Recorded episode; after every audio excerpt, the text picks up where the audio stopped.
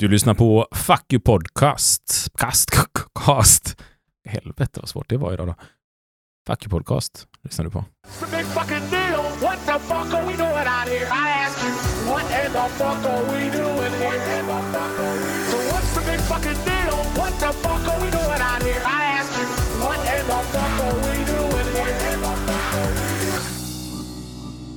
Avsnitt 87 i pipen och eh, idag kommer vi bara fortsätta helt enkelt med intervjun med Patrik Witkowski på Centrum för personalägda företag. Ta och titta på, ja, men vad är de vanligaste frågorna här eh, som brukar dyka upp ifrån folk när man pratar om ekonomisk demokrati. Vi kommer också prata om vilka på riktigt saker kan vi genomföra. Så att alla ni lyssnare nu som är politiskt engagerade, men skriv motioner, ta kontakt med, med Patrik, lyssna på detta och jag vet att en del av er som sitter i riksdagen på det. Det här kanske man ska ta ett nytag i. Tänk att vara den politiker som har på riktigt genomfört det här. Det låter ju som att vi i det här avsnittet kanske ser att det går att göra ganska breda överenskommelser här. Så att eh, jag tänker inte snacka så mycket mer än så, så ger vi oss in i del två av ekonomisk demokrati. Några sådana här liksom, frågor som man får upp i huvudet direkt har du redan liksom, slått hål på här nu och beslutat. Men jag tycker att i, i din bok så har du en bra sammanställning av många av de frågorna som dök upp i mitt huvud första gången jag kom över det här. Eh, Så jag tänker att vi ska beta av några av dem. Mm. Så får du svara så gott du kan utan facit här nu, för du får svara från huvudet bara. Ja, får se om de stämmer överens med vad jag Vad du har skrivit. skrivit här, så har jag, jag har rätt, rätt svar här.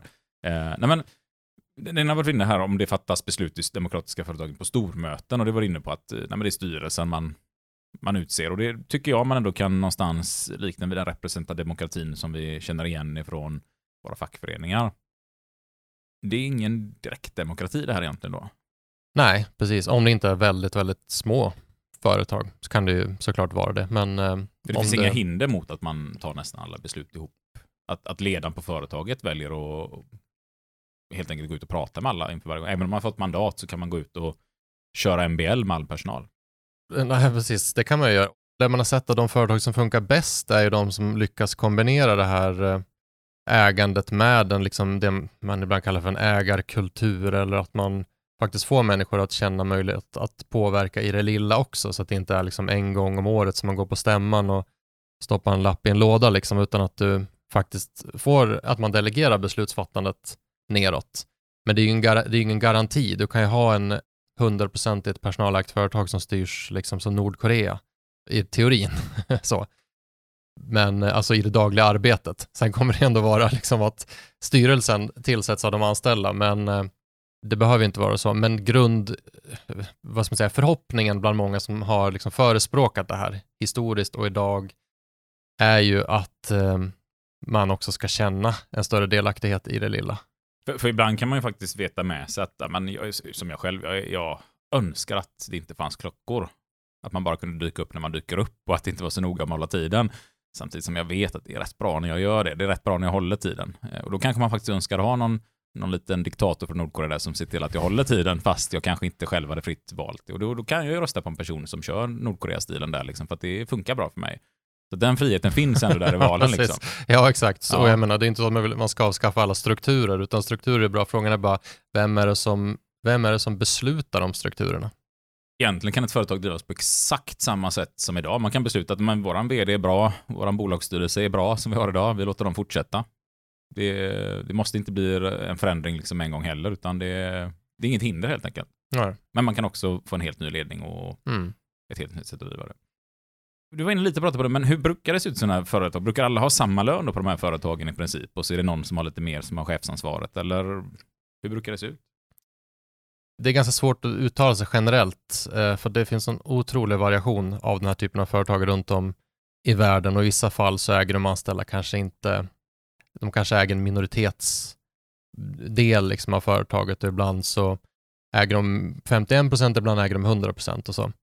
Så det är väldigt stor skillnad, men, eh, men om man ska ge ett generellt svar så är det ju så att lönerna kommer variera, men som jag nämnde där med fallet i Mondragon så är det ju inte ovanligt att man sätter eh, att löneskillnaderna är lägre. För att eh, jag tror att om en styrelse och vd börjar ge sig själva löner som är 60, 70, 80 gånger eh, de på golvet så tror jag inte man skulle bli kvar så länge i ett demokratiskt företag. Eh, och sen är det ju så att eh, det här med eh, utdelningar, eftersom att om det är ett aktiebolag, det kan också vara ett medlemsakt företag då, som en ekonomisk förening är då, då är det medlemmar. Men om vi pratar om, om vi pratar om ägare, de anställda som ägare, om de är de som äger aktierna så är det också de som får utdelningarna. I, England så har man gjort jämfört John Lewis som är stort eh, personalägt detaljhandelsföretag, 90 000 anställda med ett liknande Marks Spencer och titta på liksom vilka som äger de här eh, olika företagen. De är ganska lika på många sätt och då Marks Spencer, i alla fall tidigare ägdes av liksom stora finansiella institutioner och sen så har du John Lewis Partnership som ägs av 90 000 anställda. Och man kan fråga sig vad händer då när det kommer utdelningar från de här företagen?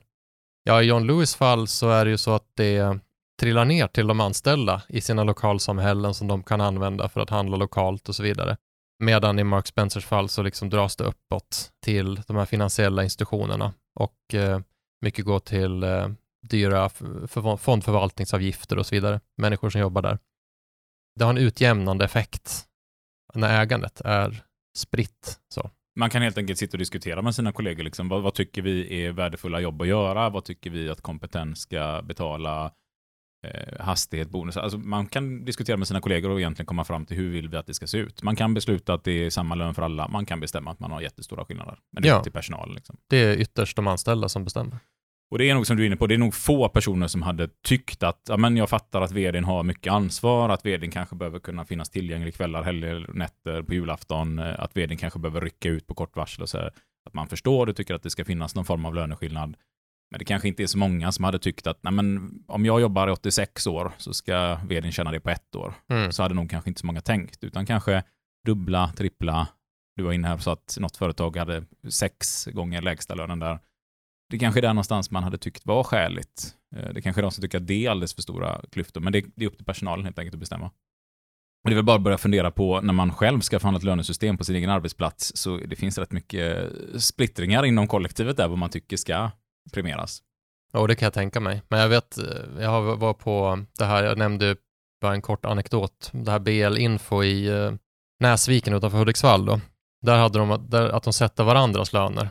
Och systemet är väl ungefär så att eh, man, man får sätta lönen på de fem som man jobbar närmast, eller jag kommer inte ihåg exakt hur det är upplagt. Och sen så sätter, det var nu Björn Lundén som ägde det, han äger inte längre, men han, han då satte de upp lönen på kylskåpet.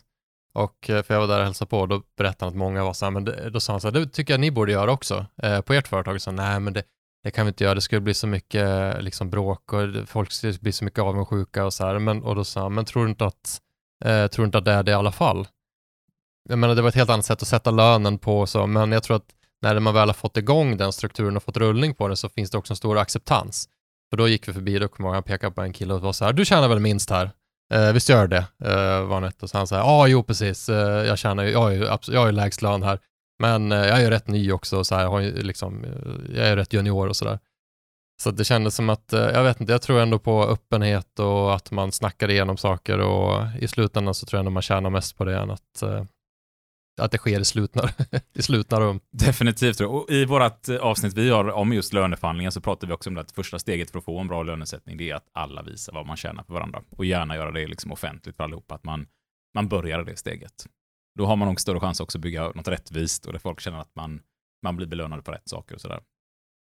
Blir man delägare direkt när man börjar jobba? Hur funkar det här liksom? Jag vill börja jobba här nu på ett, för nu- nu hör jag, det här låter ju hur bra som helst, jag vill vara med och påverka. Där vill jag börja jobba. Eh, blir jag bara delägare sådär? Ja, det är en jättebra fråga. Alltså det, I vissa företag så får du ju köpa in dig och ibland kan det vara rätt dyrt. Det finns ju, liksom, många- det finns ju många så här partnerägda företag, eh, advokatbyråer och dylikt och då är det ju ganska dyrt att köpa in dig. Men i idealfallet, det här, eh, jag besöker ju ett hem, eh, hemtjänstföretag i filmen som ligger i, i New York och de tror jag är ungefär 2000 eh, anställda som ägs helt av de anställda och det är många så låg, eh, eh, låglöne, det är ett låglöneyrke och eh, kvinnor från, eh, som är, eh, från Latinamerika ursprungligen och många afroamerikaner och så. om jag inte minns fel så tror jag de först är liksom en provperiod på kanske sex månader och sen så jag tror det kostade, det var, det var inte så farligt, det var några tusenlappar liksom som du kunde dra på lönen över, eh, de kommande, över det kommande året eller något sånt där. Så att man gjort det väldigt enkelt att liksom bli, bli delägare och då blir du fullvärdig delägare. Och vi har varit med och eh, tillsammans med Magelungen, de här i Stockholm, tagit fram ett sånt eh, personalägarsystem i Sverige. Så att det ska vara möjligt att eh, ta förskott på lön för att kunna köpa då en post. Där kostar det även 40-50 000 kanske för en post. Så det är lite mer. Men alla har, men alla har inte 40-50 000 liggandes. Så då är frågan hur får man de som inte har det att också kunna bli delägare? Så då har vi gjort att man ska kunna liksom få förskott på lönen. Men vi behövde ansöka, det var ett lite speciellt upplägg rent juridiskt för att det finns eh, regler i aktiebolagslagen som gör det svårt att eh, låna från företaget för att köpa aktier i det egna företaget. Men det finns undantag eh, för den här typen av fall som man har infört för att anställda ska kunna bli delägare. Så att vi har varit med och jobbat med Magelungen på ett sånt, eh, för att utveckla ett sånt system. Så det är liksom idealet, att det ska vara billigt och enkelt. Och... För, tillsammans med dig så har du din kollega som är eh, jurist i grund och botten tror jag va? Ja, precis. Ja. Mattias Göthberg. Så det här är det som vi gör via eh, Centrum för personalägande. För det låter ju som ganska invecklade grejer när man ska in på ägandet och aktieposter och, och det kanske inte är från början tänkt att det ska vara personalägda företag som man har stiftat lagarna utifrån en helt annan verklighet och så men det är i praktiken möjligt idag i Sverige i alla fall. Ja, det är det. Och eh, så det, alltså på många sätt är det bara att göra, men på andra sätt så är det, finns det en otrolig okunskap om det här. Så att, jag menar, i USA, då har det liksom en hel industri och i England också nu så är det ungefär ett företag om dagen som säljs eh, till de anställda. Men i Sverige så du vet att för, vi har ju varit runt och pratat med alltså hur många som helst, Juri, alltså jurister och revisorer och företagsmäklare och allt man kan tänka sig och eh, det, en, det var samma sak varenda gång man kommer in. Då säger de så här, först och främst vill jag bara säga att det här är inte mitt specialområde. så precis varenda person som vi träffat, de inleder alltid med att säga så.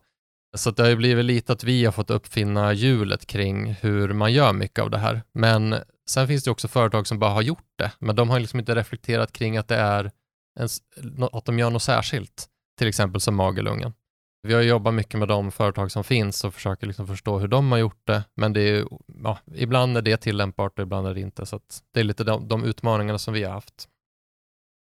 En fråga som också dyker upp när man börjar tänka sig det här låter ju för bra för att vara sant, liksom. och så, men så börjar man tänka sig, ja, men finns det inte risk att det liksom blir eh, ändå monopol i vissa marknader, att ändå konsumenterna borde få vara med och påverka och övriga i samhället? Eh, tänk om man har något stort företag som ja, men de driver det och de tjänar mycket pengar och tar höga priser, så då kan inte jag påverka dem, jag står utanför företaget.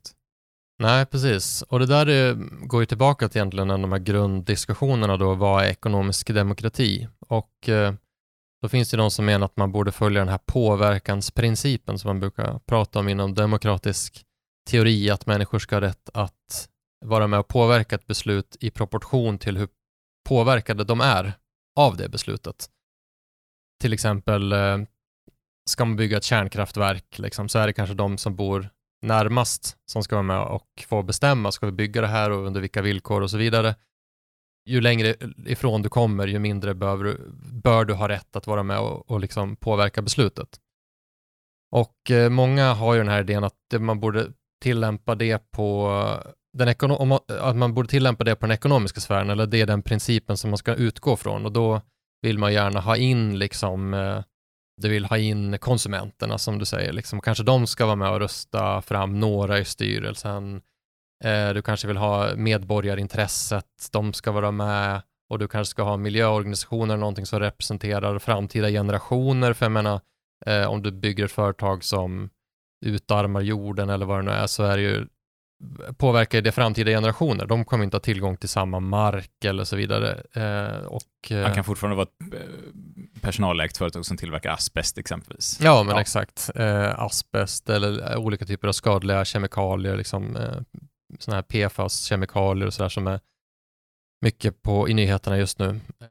Hur jag tycker man kan tänka kring den här frågan är väl att eh, att eh, jag tycker fortfarande att det är de som är styrda av styrelsen som ska tillsätta styrelsen, precis som i en politisk demokrati. Så att även om vi i Sverige ska bygga ett kärnkraftverk eller vad det är så är inte norrmännen med och eh, liksom röstar om det, utan det är någonting som, fatt, som fattas i Sverige.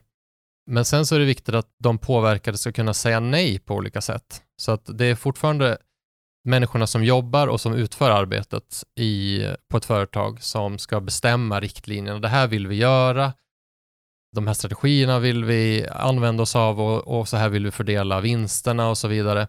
Men sen så måste det finnas möjlighet för de andra människor att säga nej. Och det är ju det vi har politiken till. Så politiken ska ju vara där och kunna sätta gränserna och sätta spelreglerna, men aktörerna ska styras demokratiskt. Och där är det de människorna som jobbar i företagen som ska bestämma över sig själva. Så att egentligen kan vi tänka att det är precis samma system som idag, fast det istället för att det är aktieägarna som bestämmer över bolaget så är det arbetarna där. Ja. Att det är fortfarande politiken som kanske behöver stifta lagar och regler för hur man får verka eh, med bolaget sen. Ja, Vi pratade lite om svenska företag och så här också. Och vi började så läste jag upp eh, ett citat från Magnus Undermo där och nämnde att han var för detta ordförande för Sveriges Ingenjörer på stora bil... Ja, nu säger vi Volvo då helt enkelt. Vi försöker undvika att göra reklam här i, i podden. Men, eh, ja, där slank det ut. Ja, de, de brukar kunna lista ut det ändå, de flesta. Eh, och, och varför just han är med i din bok tycker jag är jätteintressant. För att när man tänker på vilka företag kan komma igång med det här, i mitt huvud dyker det upp då att men det kanske är något litet bageri, kanske någon, någon liten verksamhet som har en hyra, som kanske inte har något större värde i bolaget, som kanske inte äger ett namn som är stort. Men det finns ett skäl till att just Magnus Undermo har blivit intervjuad i din bok. Kan du berätta lite om det? Jag menar, mycket av den här diskussionen är väldigt så teoretisk och man kan ofta bli anklagad för att vara så akademisk och lite eh, verklighetsfrånvänd. Men det intressanta med Magnus Sundemo då var ju att han var en person som försökte i praktiken att verkligen genomföra det här och gick runt och hade de här tankarna, lite som när vi pratade tidigare, du och jag också, så här, att du har gått runt och haft liksom liknande funderingar, så där, men du har aldrig liksom fått det riktigt formulerat på ett, som en politisk teori eller en stor politisk idé. Så där. Det var ju när Ford skulle eh, sälja Volvo personvagnar efter finanskrisen 08. Då drog han ihop ett gäng och tänkte så här, skulle inte vi kunna eh, driva vidare det här själva? Liksom, vad är det vi behöver egentligen? Vi har liksom kompetensen, vi har know-how, vi har allt, vi har personalen, vi har liksom, vad, är det vi, vad är det vi behöver? Vi behöver bara få in pengarna. Varför ska vi ha en ny ägare som kommer in? Vi, så.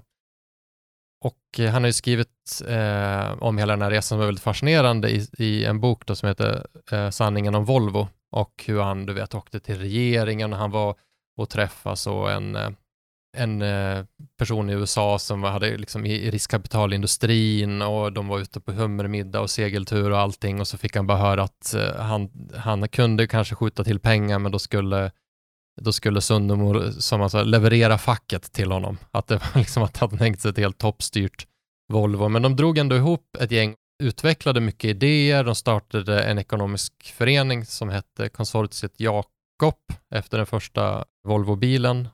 Det var liksom på gång och de fick, fick till, hittade en gammal vd eh, på Volvo som också ställde upp på att han eh, eh, skulle kunna vara med och, eh, och få, få liksom driva vidare företaget som någon slags medarbetarägt företag.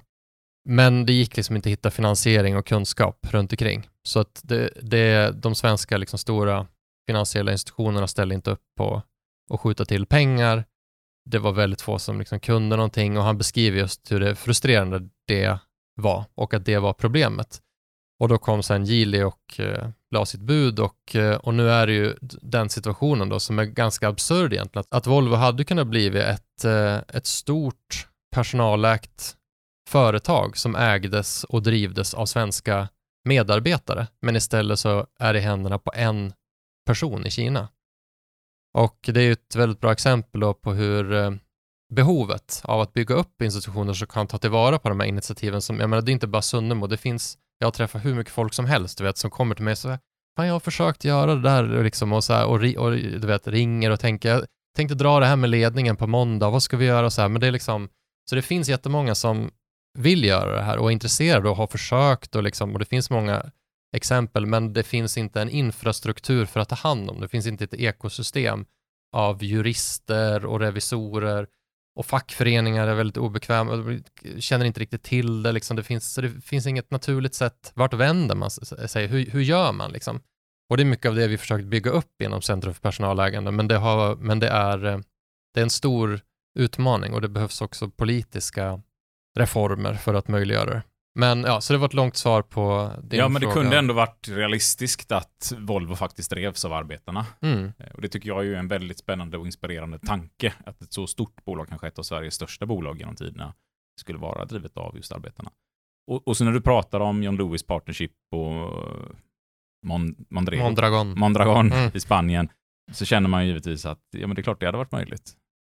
Vad är det som behövs då för att vi skulle kunna komma dit? Vad, vad hade behövts här för att gänget på Volvo skulle kunna ta över det själva? Jag skulle säga att vi behöver eh, dels få på plats en, eh, en lagstiftning liknande den i USA. Så i USA finns någonting som heter eh, Employee Stock Ownership Plan, förkortas ESOP. Det är egentligen som man har gjort det väldigt enkelt och smidigt för en ägare, oftast i ett kanske medelstort företag som ska kanske som närmar sig pensionen, som Ja, men säg att det är en ägare som kanske inte vill sälja till riskkapital, för man vet inte så här, vad kommer hända med mitt företag, med mitt livsverk. Man kanske inte vill sälja till en konkurrent och i vissa fall så finns det, finns det ingen seriös köpare. Kanske företaget ligger på landsbygden och sådär. Det blir också allt ovanligare att, eh, att, arving, att barnen vill ta över idag. Eh, många företag, i synnerhet eh, utanför storstäderna. Så eh, de har gjort där en lagstiftning som egentligen kom på 70-talet men sen har liksom kryddats med skattelättnader och så. Då har man gjort det så, så att eh, den, ans- eh, den gamla ägaren säljer av aktierna till en personalstiftelse. Personalstiftelsen liksom lånar upp pengarna av en bank och sen så betalar man av de här aktierna över tid med företagets framtida intäkter. Så det är egentligen ett, så här, ett upplägg som kommer från den privata riskkapitalbranschen. Men det var en, eh, en väldigt frisinnad jurist eh, på 50-60-talet som heter Louis Kelso som jobbade först eh, inom den branschen och lärde sig om det, men sen hade han massa idéer, stora politiska idéer om att kapitalet måste fördelas mer jämlikt och så vidare. Så han tog den modellen och tillämpade på ja, men skulle vi inte kunna göra så att personalen liksom använder de här, liksom, eh, att man lånar upp pengar och köper företaget med företagets egna kassaflöde och så. Så vi skulle behöva en ESOP-modell och det är någonting som vi Mm. på Centrum för personalägande har drivit väldigt mycket så att det, är, så att det bara är väldigt lätt att, eh, för en ägare att sälja av till de anställda. Och, eh, det har, och nu i England så har man fått till det och som jag nämnde så nu så säljs det ungefär ett företag om dagen till de anställda i England. Så det är liksom jättemånga sådana här företag, men typ ett är de som har gjort Wallace and Gromit-filmerna, eh, det filmbolaget. Eh, de, gamla, de tidigare ägarna eh, gick i pension och så tänkte, ah, vad ska vi göra om vi säljer till de anställda? Jag tror en sån ESOP-modell är en väldigt så lågt hängande frukt och det är också någonting som vi har fått brett stöd. Så vi har haft bland annat ett riksdagsseminarium med Socialdemokraterna och Kristdemokraterna. Och Kristdemokraterna har varit väldigt, väldigt aktiva i den här frågan och duktiga och om man läser Tidöavtalet noggrant så ser man också att det finns en liten skrivning där om att eh, man ska underlätta för personal att eh, ta över företag vid generationsskiften. Så vi var och träffade näringsdepartementet för några månader sedan och de, eh, eh det finns eh, personer som eh, undersöker det här. Det finns en väldigt bred, eh, polit, ett väldigt brett politiskt stöd för att göra något åt det hållet. Och framförallt för att man ser att vi har väldigt, eh, vi har bland Europas äldsta företagare och många, särskilt i gles och landsbygd, de har liksom ingen att sälja till. Det är ju fantastiskt om man kan göra det enkelt att sälja till de anställda som jobbar på företagen. Och det låter ju jättekul att det finns med i Tidöavtalet, eh, för det kanske man blir lite chockad över som lyssnare. Eh, sådär. Och framförallt är det kul för att i en dokumentär där så intervjuar ni en, en gammal person på Svenskt Näringsliv, är det va? Mm, mm. Som tycker att det här låter som kommunism. Ja, precis. och eh, precis, och det, och det är ju lite då en så här rolig, eh, en rolig del av den filmen, eh, att, eh, att vi inte kan liksom nå fram till varandra. Jag, jag kan inte liksom särskilja eller se riktigt hur, hur, eh, vad din fråga handlar om i praktiken. Eh, vi har möjligheter till all, alla olika typer av, av ägande i företag och eh, om du, du förespråkar en kommunistisk revolution i, i Sverige så eh, tycker jag att det verkar vara en dålig idé. Men sen så har jag eh, skrivit, eh, jag skrev ju den här rapporten om, en, en rapport om ESOP-modellen för eh, Unionen och Svenskt Näringsliv. Och det som gör att näringslivet är intresserat av, av det, eller till den grad de är intresserade av det, så är, eh, är det ju mycket just det här med ägarskiftesfrågan som är ett väldigt stort problem. Eh, ja, men arbetsgivarorganisationerna och företagarorganisationerna i Sverige är väldigt väl medvetna om att vi har väldigt eh, gamla företagare och att det i många fall är svårt att hitta någon som kan ta över. Och de här företagen, det är ju fantastiskt också om du får att du säljer av ett företag till de anställda som bor, som bor nära företaget och har liksom ett långsiktigt intresse av att det ska leva vidare där. Så det är liksom inte bara ett företag som kommer och köper och styckar eller ska sälja vidare om ett par år eller en konkurrent som kanske kommer flytta det. Utan du vet att om det är de anställda tar över, då kommer det, det bli kvar där. Det får liksom rötter i det område där det är. Du får också ett företag som liksom bryr sig om lokalsamhället. Du släpper inte ut massa skräp i, i, liksom, i floden eh, om dina barn ska bada där på, på lördag. Liksom. Så det är också ett sätt att eh, få mer ansvarsfulla företag, tror jag. Finns det någon risk att det går åt motsatt håll? Att man tänker att men nu är vi delägare allihopa, vi, vi tar ledigt allihopa och så tar vi in bemanning och så tar vi bara procenten på vinsten där och vad bemanningsanställda drar in. ja, precis. Ja, nej, men det kanske är möjligt. En affärsidé vi kommer på här nu. ja, men det var en intressant uh, tanke. Så kanske det kan uh, bli. Och då är det viktigt att det finns uh, fack då. Som, ser till, som ser till att, att man inte gör så. Eller att bemanningsanställda också jobbar på ett företag då som kanske är personalägt, där man inte går med på vilka uppdrag som helst, för vilka löner som helst, utan faktiskt då får sin skäliga lön för det också. Ja, absolut. Och det, och, och det där är också en sån diskussion som finns inom den här rörelsen, att eh, med liksom fram, den framväxande gig-ekonomin, vad gör man där och så med alla plattformsjobb och så. Och eh, där finns det också en del som har utarbetat modeller för hur de skulle kunna bli mer demokratiskt ägda styrda. För, för, att få ett sånt här lån då, för jag tänker så här, vi satt ju på vår klubbstyrelse för många herrans år sedan och satt liksom så här, vi borde bli ett eh, arbetarkollektiv, eh, liksom så här, och eh, hur ska vi komma igång med det? Jag jobbar i ett bolag som går ganska bra. Så skulle vi börja köpa loss vårt bolag så har jag en känsla av att våra ägare skulle tycka att det får ni jättegärna göra, men vi vill ha betalt för det här bolaget. Va? Var får man ett sånt här lån någonstans? Då? Liksom, hur går det till när man köper loss? Nu kanske det vanligaste är att man köper loss ett bolag då som vill säljas från första början då. Men, men är det, bara, det är väl inte bara att gå till sin vanliga bank och säga hej, vi vill ha ett lån för att köpa ett bolag? Nej, och det är ju absolut inte det man vill och det var det som var liksom det fina i kråksången, jag måste säga, det här med eh, i den amerikanska ESOP-modellen, det som han, Louis Kelso, kom på var ju att han tittade på riskkapitalbranschen. De köper ju inte företag med sina egna pengar, utan de lånar ju upp pengar. De tar ju inte eh, risken själv. Och skulle man inte kunna göra något liknande fast det är de anställda som står som ägare i slutändan? Om tanken är att vanliga anställda ska gå och ta ett lån på banken för att köpa en aktie på, som kostar liksom, eh, om alla skulle, om man säger att, säg att du är eh, 100 pers och företaget kostar 100, eh, värt 100 miljoner. Ja, då skulle alla behöva samla ihop en miljon var. Ja, och precis. det är liksom en helt orealistisk idé, så du behöver ju ha, det, och det är poängen liksom med den här ESOP-modellen, du behöver hitta liksom juridiska modeller eller utköpsmodeller eh, som gör att anställda kan bli delägare utan att själva belåna hus och hem. Så det är liksom lite det som är poängen det här med, med, med ESOP, att eh, det är också att det är de, inte de anställda som privatpersoner som tar lånet, utan det är en juridisk person. Nu blir det lite, lite tekniskt, men det är liksom en typ en personalstiftelse, ett aktiebolag som tar lånet. Så det är inte liksom du som går på banken och säger hej, jag behöver låna en miljon, utan det är de anställda som, som kollektiv kan man säga, genom en juridisk person som tar lånet. Och därmed hamnar också riskerna på, den här, på bolaget, om man säger så.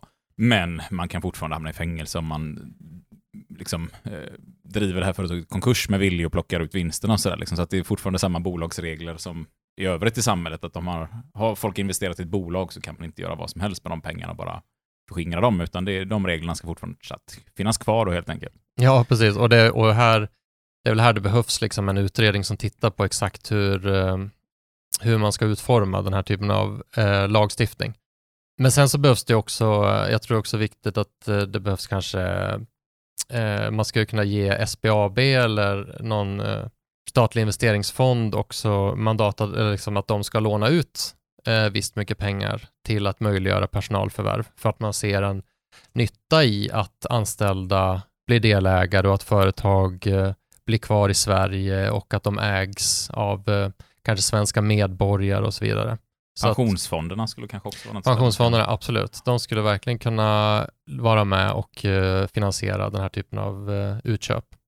Där man förväntar sig en, en realistisk avkastning på utlånade pengar, så att man helt enkelt inte bara byter ut ägandeskapet till att det är bankägare som äger all avkastning på jorden för att alla har dyra lån istället. För det är väl kanske farhågan då, kan jag tänka mig.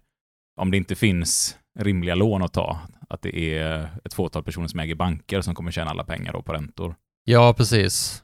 Det har ju funnits ett problem att så här, ofta är det sådana här nedläggningshotade företag som anställda har tagit över liksom i en krissituation, att det har varit sista utvägen. Att man går ihop då och skramlar pengar för att kunna rädda ett företag i några år och så vidare. Och då får man någonting som har kallats för citronsocialism. Så att det är liksom de sura, dysfunktionella delarna av ekonomin som de anställda får ta över, men de välmående företagen, de, liksom, de får man inte ta del av.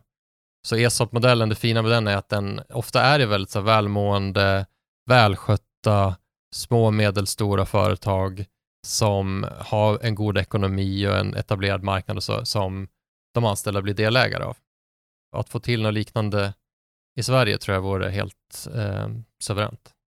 För där finns ju också en fara om man skulle börja rädda företag som går i konkurs, att man då håller på att syssla med egentligen lönedumpning och ha kvar företag som kanske egentligen borde vara utkonkurrerade. Och det är inte det det handlar om, utan eh, jag tycker det är jätteviktigt att få med att det handlar om de seriösa bolagen som drivs på ett korrekt sätt som man vill köpa loss. Ja, exakt. Om vi kommer in på det här med principfrågor och rättighetsfrågor. Har man rätt att rösta fram styrelsen på sitt arbete?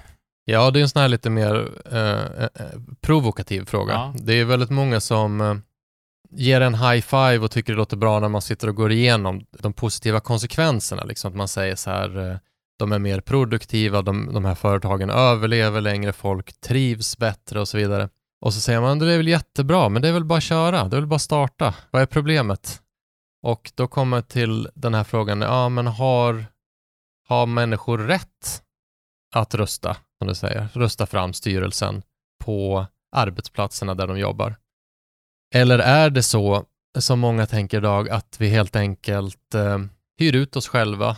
Jag hyr ut mig själv till någon annan som hyr in mig. Vi kommer frivilligt överens, vi är två myndiga parter och vi kommer överens om att ja, men jag ska jobba för dig och eh, jag får min lön och sen är det fine. Liksom, är, finns det inget problem med det? Där diskuterar faktiskt Ernst Wigforss, som är gammal eh, socialdemokratisk eh, finansminister, ledde också en utredning om industriell demokrati som den första Brantingregeringen tillsatte 1920. Och då så kom man till det här och det är en, eh, lite fint litet stycke när han pratar om att vi, vi, brukar säga att så här, om någon, två personer kommer överens, du går frivilligt med på att hyra ut dig och, eller köpa arbetskraft och någon annan går frivilligt med på att sälja arbetskraft. Vad är problemet? Det är liksom den liksom konventionella synen. Och då säger han, men problemet från vårt perspektiv, från arbetarrörelsens perspektiv, det är att arbetskraften som köps och säljs, den kan inte frånskiljas från den levande arbetaren. Du kan inte, det är inte som vilken vara som helst. Det är inte som att någon har sålt ett äpple på stan. Liksom. Då, kan, då är det någon som tar äpplet och går iväg med det. Men arbetskraften kan inte gå till jobbet själv medan du ligger kvar i soffan hemma. Utan arbetskraften är personen. Du köper och säljer den levande människans tid. Och det säger han är eh, kärnpunkten i den moderna arbetarfrågan. Så det var själva, själva roten, kärnproblematiken som man försökte komma till rätta med. Att det är liksom ett, en eh, kvarleva av feodalismen eller slaveriet. Det har ju funnits eh, frivilliga slavkontrakt. Även i Sverige fanns det det, det kallas för jäv... Nu gör jag en liten avstickare här, men det fanns eh, slavar som sålde sig frivilligt, eller trälar, som kallas för jävträlar. Där man helt enkelt var så desperat så att du bara gick och sålde dig själv till någon som sa, ja men visst jag köper dig, men då får du vara min slav för resten av livet. Och om du verkligen tror på den här frivillighetsidén, att, liksom, att frivillighet eh, är det som trumfar allt, att om två parter vill sluta ett kontrakt så ska de få göra det, ja då borde du absolut vara för frivilligt slaveri. Men det är väldigt få som har återinföra jävträl, jävträlar och liksom tillåta det. Men det är väldigt få som vågar gå så långt. Det finns en del filosofer som har gjort det, till exempel en som heter Robert Nozick som säger att ja, men jag tycker det är mitt liksom libertarianska samhället. Det är klart att om man vill sälja sig som slav borde man få göra det. Så det är liksom det här frivillighetsperspektivet. Men sen finns det ett annat perspektiv som har liksom rotat i det här i att du har okränkbara rättigheter. Du har rättigheter som inte får kränkas i kontrakt. Du har rättigheter, som du inte får förhandla bort i kontrakt. Mycket av vår politiska demokrati bygger på just den idétraditionen. Så att jag, jag menar jag kan gå och sälja min aktie som jag har i ett företag, men jag kan inte gå och ställa mig på stan och sälja min rösträtt till Göteborgs kommunval nästa gång. Jag kan, den är knuten till mig som person. Det är liksom någonting som jag får för att jag är medborgare i Göteborg. Eller nu är jag medborgare i, uh, i Mölndal, så jag vet inte om... vilken, ja, det är Mölndals kommun som jag får, som jag får rösta i. Men Uh, principen är samma där också, även om det är mindre kul att gå och rösta i Mölndal kanske. Så. Ja, precis. Så jag är nyflyttad i stan, får jag väl tillägga. Så så det är en personlig rättighet och det är ur den traditionen som man kan argumentera mot det här frivillighetsargumentet.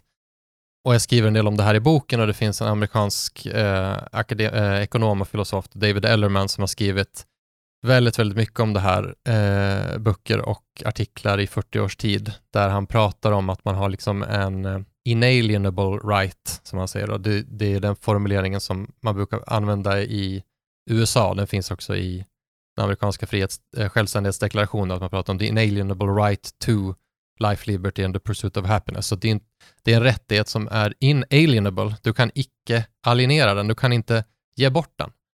Så det är en annan typ av rättighet som du inte kan ge bort i kontrakt. Och han menar då att, så han tar upp ett par olika kontrakt, han pratar om slaveriet historiskt, hur man har, argument, alltså hur man har försvarat det historiskt genom att säga, ja men det är frivilligt. Så kan man diskutera om det var det eller inte, det var oftast inte det, men det fanns alltid ett argument att det var liksom, ja men det finns ett samtycke här. Slaven, du vet, det kan ha varit att slaven blev, var i ett krig någonstans och blev tillfångatagen och så fick han välja om han ville bli dödad eller om han ville bli slav. Så därför finns det, liksom det fanns, det finns ett avtal här. Man hör ofta argumentet, tycker jag, att det fanns eh, gårdar där man sa till slavarna att men ni är fria att lämna, men man valde att stanna kvar. Ja, precis. Men då kommer man ju in på den här frågan, ja, men vad var alternativet? Mm. Och det finns även i gamla testamentet finns det en sån eh, att det sjunde året om du har en slav så ska du släppa slaven fri med lite mat. Men om slaven återvänder till dig, då ska du och så är det typ spika upp hans, någonting i hans öra eller något, och, och han ska vara din slav för alltid. Så det finns ett sofistikerat frivillighetsargument för slaveri där. Och mycket av liksom den här, alltså den demokratiska utvecklingen, doktrinen om folksuveränitet, allt det här, är liksom sprungen ur en, en, en helt annan tankefigur. Du kan inte förhandla bort dina rättigheter i kontrakt. Och det är ganska lätt om man tänker på, om man jämför med andra kontrakt, så även med eh, till exempel kvinnors eh, omyndighetsförklarande, som länge om du gifte dig så eh, gick du från eh, fadern till den nya mannens myndighet. Om du verkligen eh, tror på den här frivillighetsidén och att eh, fria avtal är det som ska avgöra allt, då borde en kvinna som verkligen, verkligen vill bli omyndigförklarad idag få bli det. Men det tillåter vi inte, för det skulle vara en sjuk grej att en kvinna blir omyndigförklarad, för att, eftersom att hon är en myndig person. Så om en kvinna begår ett brott eller någonting, så skulle det vara så absurt om man kommer till rätten och säger så här, nej, nej, men det, inte, det var inte jag, eller så här, jag är omyndig. Det är min man, vi har skrivit ett kontrakt, han och jag. Så att den moderna rättsväsendet bygger väldigt mycket på att man har genomskådat falska idéer om vad som det innebär att vara myndig och inte myndig. Och samma med slavar. Förut så var det ju så här att om en slav begick ett brott, till exempel, så var det ofta då så blev det en stor fråga i rätten, det här är liksom i amerikanska södern. Ska vi se slaven som, en, som sin ägares egendom eller ska vi se slaven som en människa? Och då, sa, och då var det så här, ja, men så länge han inte begår ett brott, eller hon, då tycker vi att då är det en egendom. Och eh, allt bomull som den plockar och så vidare, det tillhör herren och ägaren. Men om slaven begår ett brott, då förvandlas den plötsligt till en person. Och då så är det eh, en person som är ansvarig för sina egna handlingar.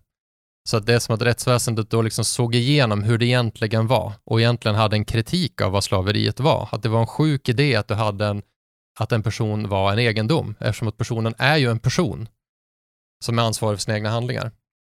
Om man tycker det här är ett intressant resonemang, nu har jag liksom snurrat bort här, men så tycker jag man ska läsa den här David Ellerman, för han har en väldigt intressant idéhistorisk berättelse när han pratar om de här grejerna och använder det för att liksom formulera en kritik av Eh, det han kallar då för human rentals, människohyrningssystemet och eh, förespråkar eh, demokratiska företag som, eh, som liksom svaret på, på det problemet. Men det låter jättespännande och jag har varit i kontakt med Roland Paulsen som vi tänkte ska vara med i podden här också, prata lite om arbetssamhället och sådär. Och jag lyssnade på honom i Filosofiska rummet här för någon vecka sedan, så det kanske vi också slänger med en länk till här just när man pratar om det här med är vi fria att ta vilket jobb vi vill? Är, är, är det liksom ett fritt kontrakt verkligen? Det är moderna anställningskontrakt vi har idag. Vi behöver inte gå så långt till slavarna, för vad är alternativet? för en vuxen människa som väljer att nej men jag vill inte lönearbeta för någon annan. Vad är alternativet i samhället? Liksom? Vad finns det för alternativ? Är vi verkligen så fria eh, i det här begreppet? Så det är också en intressant tanke som jag tycker man ska diskutera. Vad, vad händer med en individ som väljer bort samhället? Så det finns mycket att utforska inom det här området. Eh, och vi hade säkert kunnat eh, dra iväg det här avsnittet många timmar till, känner jag, om vi, om vi fortsätter på det här spåret. Eh, men ska vi tillbaka lite här igen då, så vi, vi har någonstans pratat om eh, hur det faktiskt praktiskt kan fungera, vad det är, och, och det jag tycker är så fantastiskt i din bok är att du har skrivit ner en mängd olika frågor som har kommit till dig när du har varit runt och föreläst om detta, liksom också besvara dem. Och du lämnar väldigt mycket bra svar till läsaren. Och det jag tycker är nästan roligast i allt är att ganska många svarar så här, ja om de vill. ja, men så här, får, får de plocka ut vinst i det här bolaget? Ja, om de röstar för det så får de det. Eh, behöver man återinvestera i bolaget? Ja, men om man vill så gör man det. Eh, och det är väl det som är det fantastiska, att det, det behöver inte vara så mycket regler i det här, utan nej, vi tar besluten tillsammans, men det är vi tillsammans som fattar besluten. Och det tycker jag är liksom nyckeln i ledarskap, att ju mer kunskap, ju mer du drar in folk i beslut, ju mer du får folk att engagera dig i ett beslut, alltså ju större blir intresset och ju mer kommer alla sträva mot samma mål. Så jag tror ju att det här är en ledarskapsmodell som fungerar väldigt, väldigt bra och det vet vi att många svenska storbolag har jobbat med den modellen, att personal ska få så mycket information som möjligt, för då kan man inte låta bli att bry, sig om resultatet. Liksom. Och går man ut och visar för folk hur det ser ut, hur ekonomin funkar, vad har vi för kontrakt på gång, då blir folk intresserade och de gör sitt yttersta på jobbet. Eh, och är man dessutom ansvarig för besluten, då tror jag att eh, ja, men då kommer vi definitivt höja oss många nivåer till. Vad är det mer för liksom reformer som behövs ske? För det här, är, det här blir ändå ett, det här är ganska reformativt. Så det, det, är inte en revolution som sker att man ska beslagta alla företagen, utan det är lite svensk så här mellanmjölksvägen då, att men vi köper bolagen. Eh, det blir inte revolution över en natt, utan vi förlägger om systemet här för att göra det möjligt för personal som vill att köpa sina bolag. Vad mer behövs göras? Då? Vi har pratat om lån, vi har pratat om den juridiska modellen för att äga aktier. Ja, precis. Jag tar upp jag, jag har 20 förslag i, eh, i boken och eh, det är liksom högt och lågt och eh, jag tror inte det finns en liksom tydlig väg framåt. Det kan ju vara en för så små och medelstora företag där det, som är onoterade. Eh, då kan man ju tänka sig de här ESOP-modellerna. Sen behöver vi väl tänka annorlunda kring eh, större företag. Vad gör vi med stora, större börsbolag till exempel? Hur kan man demokratisera, demokratisera dem Alltså dels så kan man ju absolut tänka sig att man bygger ut MBL och eh, lagen om styrelserepresentation till exempel. Jag menar i Tyskland så har ju de anställda i de större bolagen rätt att tillsätta halva bolagsstyrelsen. Så det kan man ju absolut göra. Så då är det ju att man eh, bygger ut rättigheter inom de rådande äganderättsförhållandena kan man säga. Så det är väl den klassiska funktionssocialismen som man har pratat om inom socialdemokratin att man inte försöker att omfördela eh, äganderätten i företagen utan att man kringskär eh, de gamla ägarnas rättigheter. Sånt kan man ju absolut reflektera kring. Man kan också tänka på det här kring hur, eh, ja, som vi pratade om med liksom de stora pensionsfonderna och så vidare. Skulle de kunna vara med att finansiera eh, vissa utköpsmodeller, kanske i ett, i ett större börsbolag så att de anställda kan bli delägare som kollektiv. Kanske man i ett bolag i vissa fall bara behöver 10% för att få ganska omfattande rättigheter. Till exempel i Handelsbanken så har eh, de anställda länge varit den enskilt största ägaren genom en personalstiftelse som heter Oktogonen som kom någon gång på 70-talet. Jämte industrivärlden då, så är det liksom den här oktogonen som eh, ägs av de anställda på Handelsbanken som har varit största ägare. Och det har liksom varit väldigt bra på många sätt. Dels har de anställda, om, om det är någon här som lyssnar som känner någon som har jobbat på Handelsbanken länge så vet de att de kan ofta casha ut väldigt, väldigt mycket pengar de går i pension. Ofta, i vissa fall är det mångmiljonbelopp. Men det har också varit eh, att man, det är en väldigt stabil bank, väldigt hög riskmedvetenhet. De har, inte, de har klassats som du vet, Europas säkraste bank och sådär. Så att det finns väldigt positiva effekter, kanske bara av att man äger 10% av ett företag. Man kan också fundera på hur man kan uppnå det. Det finns ju mer radikala förslag eh, som har kommit från Bernie Sanders i USA, att eh, liknande eh, löntagarfonderna, att varje år så ska Eh, de största bolagen, kanske med över 250 anställda eller, eller är börsnoterade, utfärda aktier till en eh, stiftelse som kontrolleras av de anställda. Så det var ju så löntagarfonderna var, men då skulle den gå till kollektivt styrd löntagarfond. Men eh, Sanders förslag är då att det går till en personalstiftelse på företaget som inte kontrolleras av liksom en, en central facklig organisation utan av de anställda direkt på företagen. Så man skulle kunna ha så, avsätta, jag tror hans förslag var 2% per år och det bör dyka upp liknande förslag i olika delar av, eh, av världen. Man kan tänka sig olika, eh, att man ställer vissa krav i upphandlingar. Man kan ju säga så här, inom de kommande åren så kommer vi att, eh, man, om, vad man nu kan göra inom rådande rätt, men säga liksom att eh, vi kommer premiera eller vi kommer värdera högre företag som eh, bud från företag som är eh, personalägda till så här många procent och sen kan man säga om fem år, då kommer vi säga om så här, med så här många procent och sen om så här, med så här många procent. Så man kan ju villkora det på det sättet och nu när vi också är inne i den här liksom det gröna liksom racet om eh, grön teknologi och eh, det är, eh, du vet USA har eh, ganska omfattande subventioner nu, man gör skattelättnader och så för att utveckla grön teknologi och, och liknande. Då kan man också mycket väl ställa krav och säga vill ni ha de här skattelättnaderna då får ni göra det på de här villkoren.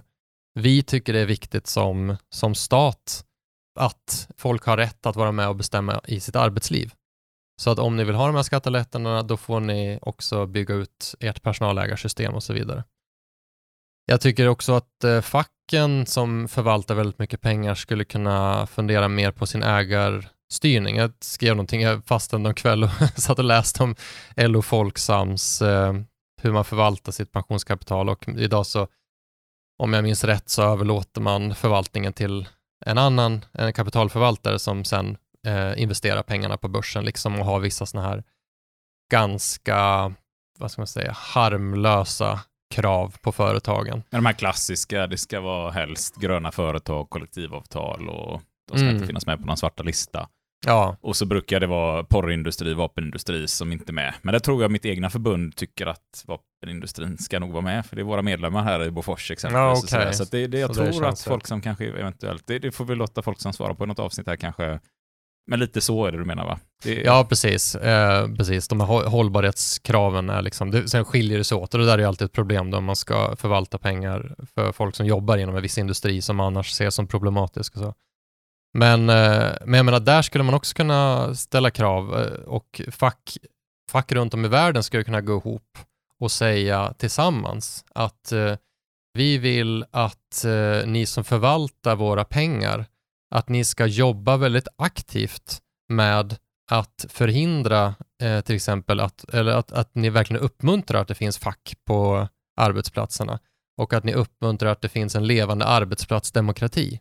Och sen så kan man ju driva det här på, liksom på stämmer och så vidare. Du kan lägga fram eh, förslag och säga Eh, vi tycker ni ska ha, tillåta beslut att fattas på det här och det här sättet och att ni ska ha så här många som sitter med i styrelsen som är valda av de anställda och så vidare. Och så driver man det väldigt hårt. Och för där finns det väl en, en outnyttjad eh, makt som facken sitter på. Det här är det som jag jobbar med till vardags, måste jag jobba med helt andra frågor, kemi med kemisektorn och stora investerare och hur man kan jobba kring kemikaliefrågor och så. Men jag tror att det, där är det verkligen stor outnyttjad makt att gå ihop och samarbeta för att ställa krav på de stora bolagen. Och där skulle man kunna absolut eh, också driva frågan om ekonomisk eh, demokrati. Jag tänker att man kan till och med dra det så långt i en fråga som jag håller på med i vår koncernklubb och börja diskutera här och försöker börja plantera oss företaget också. Att tänk om vi skulle liksom avsätta lite av löneökningarna varje år på det här. Och det är lätt för mig att säga som är på ett bolag där vi faktiskt har jag ska säga, bra löner för att vara arbetare. Eh, men att ja, men om det är tusen spänn i löneökning, man vill ta 800 så 200 av till personalfond exempelvis. Att man skulle kunna börja bygga upp någonting och så med ränta på ränta, men då kanske det är någonting man gör för 100 år fram i tiden eller 50 år fram i tiden. Eh, så att vi har liksom reformer som är allt ifrån eh, att man köper det själv för lån till att man faktiskt skulle kunna ställa stora krav till lite mer revolutionärt och att man kanske går in och tvingar med lagstiftning att ägandet börjar tillfalla. Så det går att hitta vägar egentligen överallt där, inom alla politiska ideologier återigen. Det är bra att du tar upp det. Det är ju verkligen intressant och särskilt nu då när, när man faktiskt gått med på reallönesänkningar så skulle man kunna säga okej, okay, fine, det är den här situationen och vi förstår att det är tufft, men då vill vi ha kompensation för eh, det som vi inte får i, eh, eftersom vi inte får en reallöneökning i år så vill vi ha kompensation i form av aktier. Man lånar ut sin arbetskraft exempelvis. Där. Kanske vi lånar ut eh, fyra timmar i månaden av vår arbetskraft i ett lån och det ska vi ha aktier för. Ja, precis. Det beror väl på vad vi kommer överens om i förhandlingsborden där. Men... Ja, precis. Men jag tänker att just nu när det har varit att man har gått med på att, in, att inte lönerna ska hänga med inflationen, så skulle man kunna säga det, okej, okay, men vi förstår att det är tuffa tider för företagen och, och så vidare, även om det inte är det, men nu har man gått med på det och då skulle man kunna säga att eh, ja, men mellan de här 4,4 procenten eller vad det nu är man har kommit överens om upp till vad inflationen är, det mellanrummet, det vill vi ha utbetalt i form av aktier. Om det är nya nyemitterade aktier som bolagen gör så är det inget som pressar deras kassaflöden. Det påverkar inte deras ekonomi. Det är att det utvattnar de redan existerande aktieägarna. Så det skulle man kunna ställa krav på och då skulle du kunna bygga upp det typ av kapital som du, som du nämnde. Och det var faktiskt ett förslag som en gammal konservativ företagsägare som hette Harry von Eckermann drev på 1920-talet. Så det är en sån här helt otrolig person, eller sånt, bara en som konservativ sågverksdirektör som såg framför sig hur, hur kapitalismen liksom misslyckades med att leva upp till sina egna principer om att, eh, om att ha ett ansvarsfullt näringsliv där människor känner sig delaktiga och så vidare. Så han förespråkade att företagen i Sverige, att svenska näringslivet borde demokratiseras successivt så att de anställda steg för steg blev de nya ägarna. Och han tänkte sig att, man skulle, eh, att de, de anställda skulle gå med på att hålla tillbaka sina lönekrav lite grann och sen skulle man bygga upp fonder som över eh, tid då köpte ut de gamla ägarna på varje företag då, så inte liksom löntagarfonder utan för företag för företag. Så lite liknande ditt eh, förslag. Ja, precis. För är det någonting man ser att eh, våra så kallade riskkapitalister, även om risk går att debattera fram och tillbaka om det är någon större risk i det eller inte, eh, så brukar de ju ogilla om de ska investera i ett bolag där personalen som driver bolaget inte själva har gått in med några pengar utan bara vill ha riskkapital in, för då ser man det som en extra stor risk när personen som driver bolaget inte har något att förlora själv på det hela. Eh, och då borde det väl vara ännu bättre att se att till och med personalen själva äger delar i bolaget. Det borde vara ett ännu större incitament för att det här är ett sunt bolag som, som kommer att kämpa för att gå bra. Så att, eh, ja. Mm. Och det finns ett amerikanskt riskkapitalbolag som heter KKR som har drivit det här väldigt hårt nu, att det ska inte bara vara ledningsgrupper utan det ska vara hela, eh, hela personalen som ska ha delägande, för det är det de ser som en garant för att liksom få ett engagemang och så. Men sen så är det ändå tanken på att de ska hålla det under ett par år och sen ska man ju sälja. Men då är tanken att anställda ska få vara med på den liksom resan eller den värdeutvecklingen. Så det är lite annorlunda, det är inte som att det är liksom en det är inte som att det är Ernst Wigfors gamla kritik av liksom anställningsavtalet som, som, eh, som har återuppstått i en ny form. Men, men de ser värdet i att ha ett brett ägande för att det motiverar anställda. Tiden blåser iväg. Vi visste inte, ska vi prata en timme, två timmar eller sådär, men nu, nu är vi uppe i två timmar här och jag vet att eh, det finns fullbokade almanackor. Jag tycker att vi har hunnit beta av rätt mycket av det här ändå. Jag brukar alltid ställa den här frågan. Liksom, om du blev statsminister nu imorgon med egen majoritet i riksdagen, du får genomföra vilka förändringar som helst i det svenska samhället. Vad hade du gjort för förändringar då? Så känns det som att du har redan pratat om de här grejerna. Vad man behöver göra, vad man kan tillsätta. Men om du får liksom spä till med någonting riktigt sådär, det här saknas, det här behövs. Statsminister med egen majoritet. Egen majoritet. Du behöver inte ens bry dig om ministrarna, utan du bara kör ditt race här. Ja, det är ju Nej, men om jag skulle vara lite sådär pragmatisk, den, den lågt hängande frukten över att vi ska ha en ESOP, en ESOP-modell och möjliggöra eh, att det finns eh, statliga kreditgarantier som, eh, som gör det lätt att, eh, att få lån för att göra utköp av eh, företag.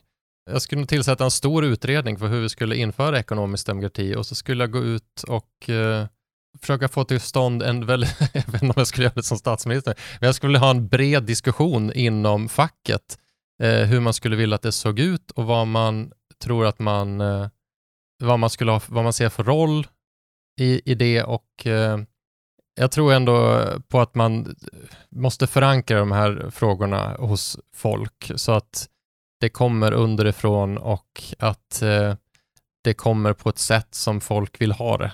Så att jag, är väl, det är, jag tycker det är svårt att säga vad jag skulle göra som statsminister.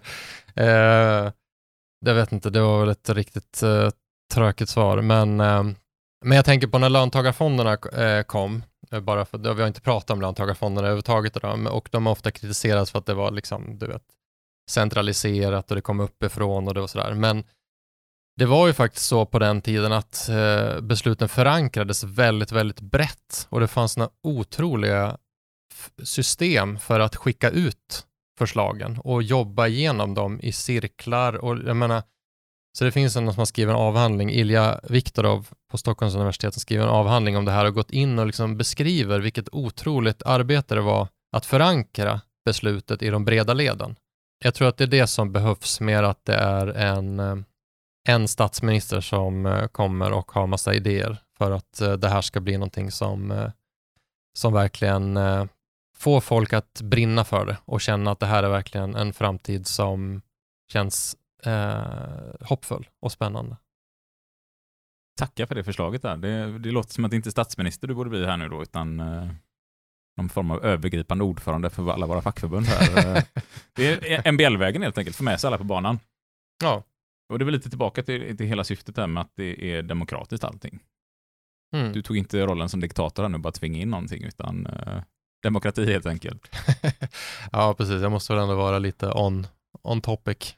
Om man nu känner så här efter att ha lyssnat på det här att jag har jättemycket frågor, jag har eh, jättemycket tankar kring det här, så kan man mejla till fuckypodcastsnabelagmail.com och så kan vi kanske sammanställa lite frågor som dyker upp till dig så att inte du får en miljon mejl i de här frågorna nu. Eller kanske vi bjuder in till ett framtida avsnitt för att diskutera lite mer kring de här frågorna. Eh, Men om man skulle vilja ut dig och komma och föreläsa kring det här till ett fackförbund eller till en förening någonstans eller till en politisk förening, hur kan man komma i kontakt med dig då? Då är det nog lättast att mejla mig på patrik.witkowski.se. Då kan man, eh, så svarar jag. Så svarar du Mm. där. Det är inte svårare än så.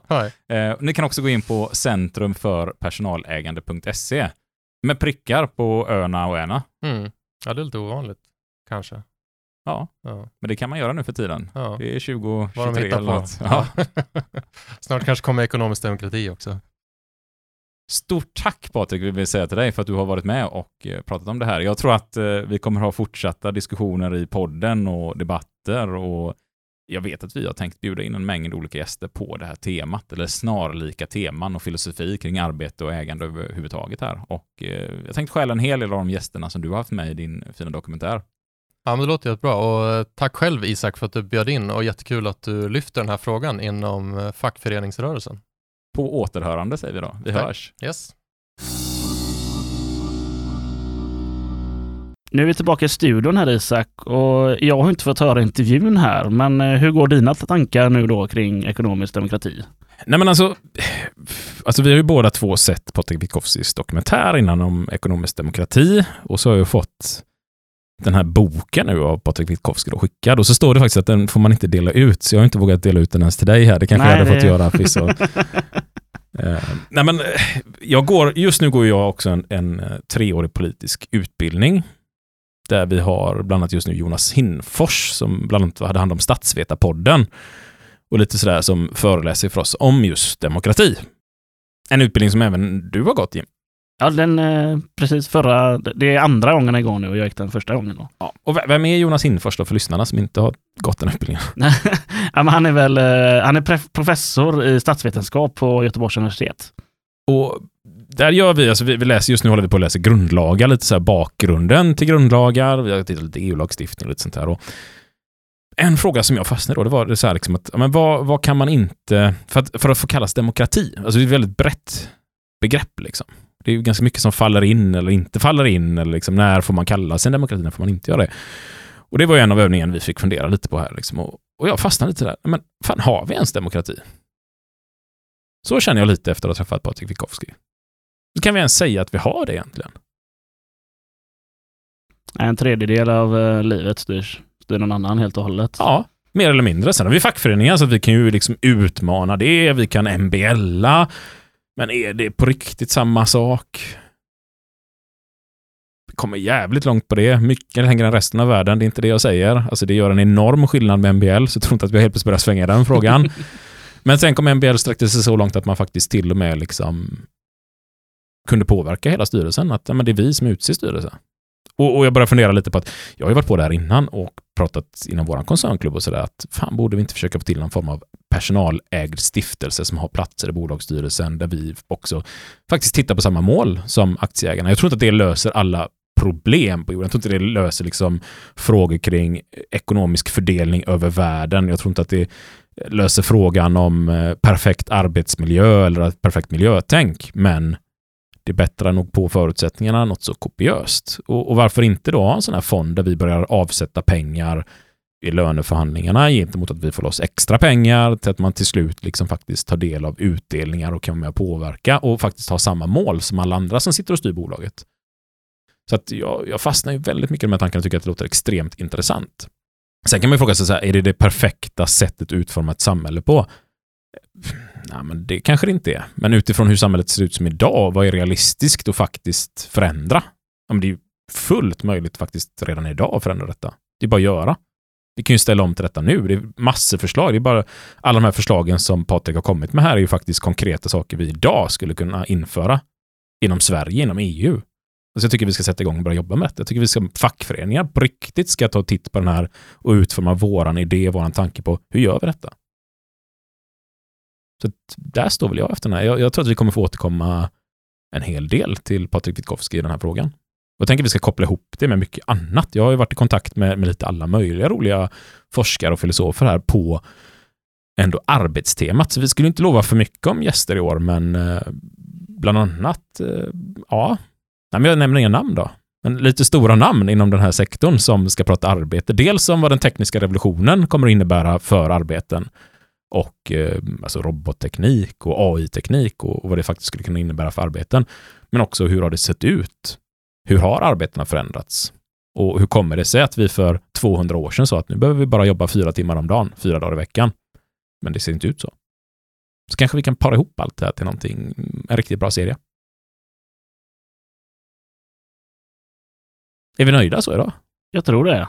Eh, tack för dina tankar också. Är du sugen på att lyssna själv? Eh, väldigt eh, intresserad av att lyssna själv. Eh, så jag, jag tänker nog göra det här eh, när jag rullar hem från, eh, från studion. Och så tänker jag att vi kommer ju definitivt få ha ett nytt avsnitt, några avsnitt fram tänker jag, där vi kanske bara diskuterar det här i podden liksom så allmänt och försöker att, att spåna idéer. Hur gör man för att stötta podden nu då?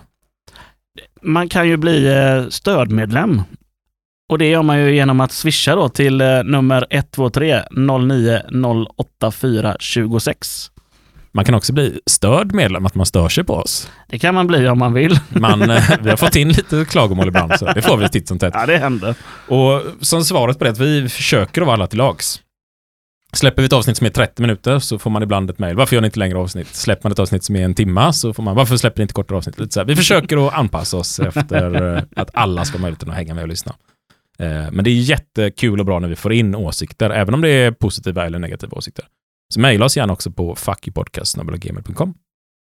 Och sprid gärna podden så mycket ni bara kan. Eh, gilla, dela, berätta för alla arbetskamrater och familj och vänner att eh, det här är en bra podd, om ni tycker det. Varje krona vi släpper, slipper lägga på reklam kan vi istället lägga på verksamhet och faktiskt se till att vi säkrar så att eh, servrarna är betalda för många år framåt över så att även om vi skulle lägga ner den här podden så finns materialet kvar att lyssna på. Med de orden så säger vi vi hörs. Ha det gott! What the fuck are we doing out here? I ask you, what in the fuck are we doing